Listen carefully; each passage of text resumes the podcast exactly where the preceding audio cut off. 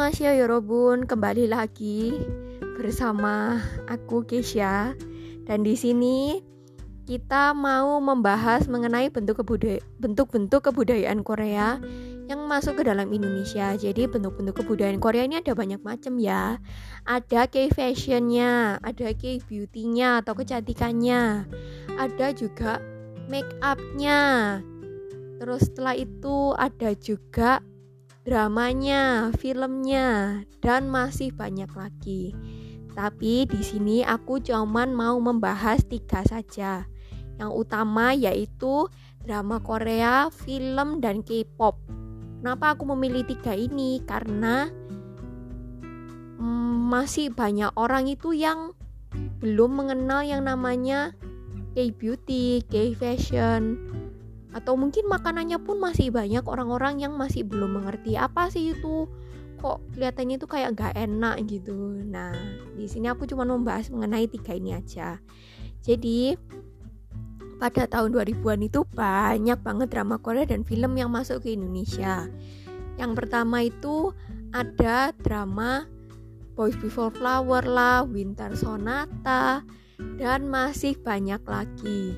Sehingga banyak orang-orang itu yang mulai tertarik gitu dengan drama Korea selain sinetron yang di Indonesia. Karena apa? Karena kalau kita melihat ya dari sin dari drama Korea yang diproduksi oleh oleh orang Koreanya langsung itu pasti hmm, alur ceritanya itu lebih menarik dan lebih bisa dimengerti gitu. Karena kalau misalnya kita melihat di sinetron-sinetron yang ada di Indonesia, kita itu melihat bahwa waduh ini ini gimana sih ini kok alur dramanya itu kayak terlalu maju mundur maju mundur maju mundur?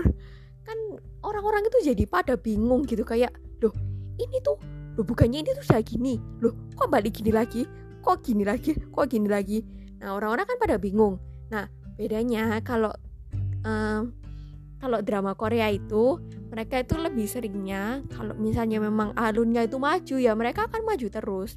Tapi kalau misalnya memang alurnya itu mundur ya ya udah berarti memang alurnya itu memang dimundurkan gitu. Atau enggak kalau memang uh, alurnya memang maju mundur memang maju mundur tapi uh, akan lebih banyak uh, sin-sinnya itu yang di mana? Yang misalnya di alur yang maju mungkin lebih banyak alur yang mundurnya mungkin lebih sedikit gitu. Nah jadi uh, bisa dimengerti gitu lebih bisa dimengerti. Begitu. Bedanya kalau sama Indonesia kan kalau misalnya kalian misalnya lihat uh, Cinta Fitri deh misalnya. Nah itu kan kalau misalnya loh bukannya ceweknya itu sudah kayak gini ya? Loh kok sekarang jadi kayak gitu? Kok sekarang jadi kayak gini? Kan jadi orang-orang itu jadi bingung dan uh, jadi tidak tertarik lagi gitu. Dan mereka membutuhkan sesuatu yang baru. Maka dari itu ada drama Korea dan film yang masuk ke dalam tahun 2000-an dan mendapatkan nilai yang positif dari masyarakat. Karena apa? Karena mereka menginginkan sesuatu yang baru. Seperti itu. Dan setelah tahun 2000-an dan pada tahun 2008 muncullah yang namanya K-pop pertama jadi K-pop pertama itu masuknya pada tahun 2008 dengan girl band pertama yang memasuki kancah dunia Indonesia itu girl band Wonder Girls. Nah, setelah itu mulailah tahun 2009 ada Girls Generation atau SNSD.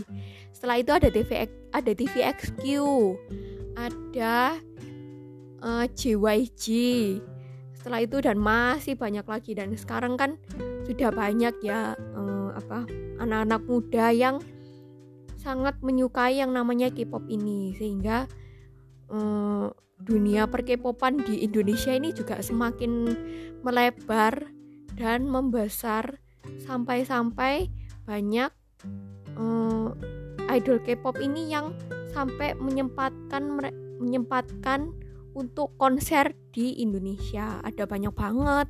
Ada BTS, pada saat itu ada BTS, ada Seventeen dan masih banyak lagi. Nah, setelah itu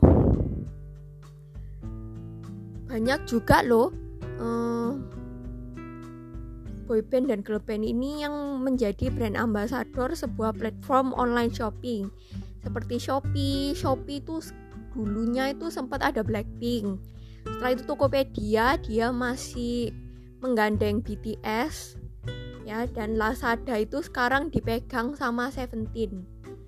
Nah, jadi kan kita kan udah mulai uh, mengetahui gitu ya apa saja bentuk-bentuk kebudayaan Korea. Nah, di podcast ketiga ini aku mau membahas mengenai pengaruh-pengaruh apa saja yang diberikan kepada anak muda melalui um, melalui adanya kebudayaan ini. So, ditunggu untuk chapter tiganya. Thank you. Annyeong.